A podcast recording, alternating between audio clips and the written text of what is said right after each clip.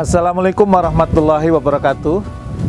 Kalau saya menyebut kata wakaf, apa yang terlintas di benak Anda? Boleh jadi pembangunan masjid, pembangunan pesantren, dan lain sebagainya. Sekarang muncul paradigma baru, muncul uh, hal baru, yaitu uh, wakaf produktif. Wakaf yang dari wakaf itu hasilnya baru digunakan untuk pemberdayaan-pemberdayaan. Ada wakafnya dalam bentuk restoran, ada juga wakafnya dalam bentuk properti, ya bisnis kuliner dan sebagainya, di mana keuntungan-keuntungan dari bisnis yang dilakukan itu akan digunakan untuk kegiatan-kegiatan pemberdayaan, akan digunakan untuk kegiatan-kegiatan sosial yang mengangkat harkat derajat umat.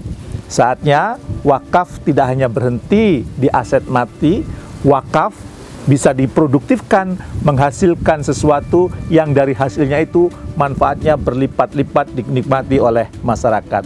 So, kalau Anda ingin pahalanya terus berlipat-lipat hingga hari kiamat, maka segeralah ikut terlibat dalam program wakaf produktif yang digalang oleh Sinergi Foundation di Bandung. Saya sudah melihat dengan mata kepala sendiri manfaat yang dihasilkan dari wakaf produktif yang dikelola oleh Sinergi Foundation.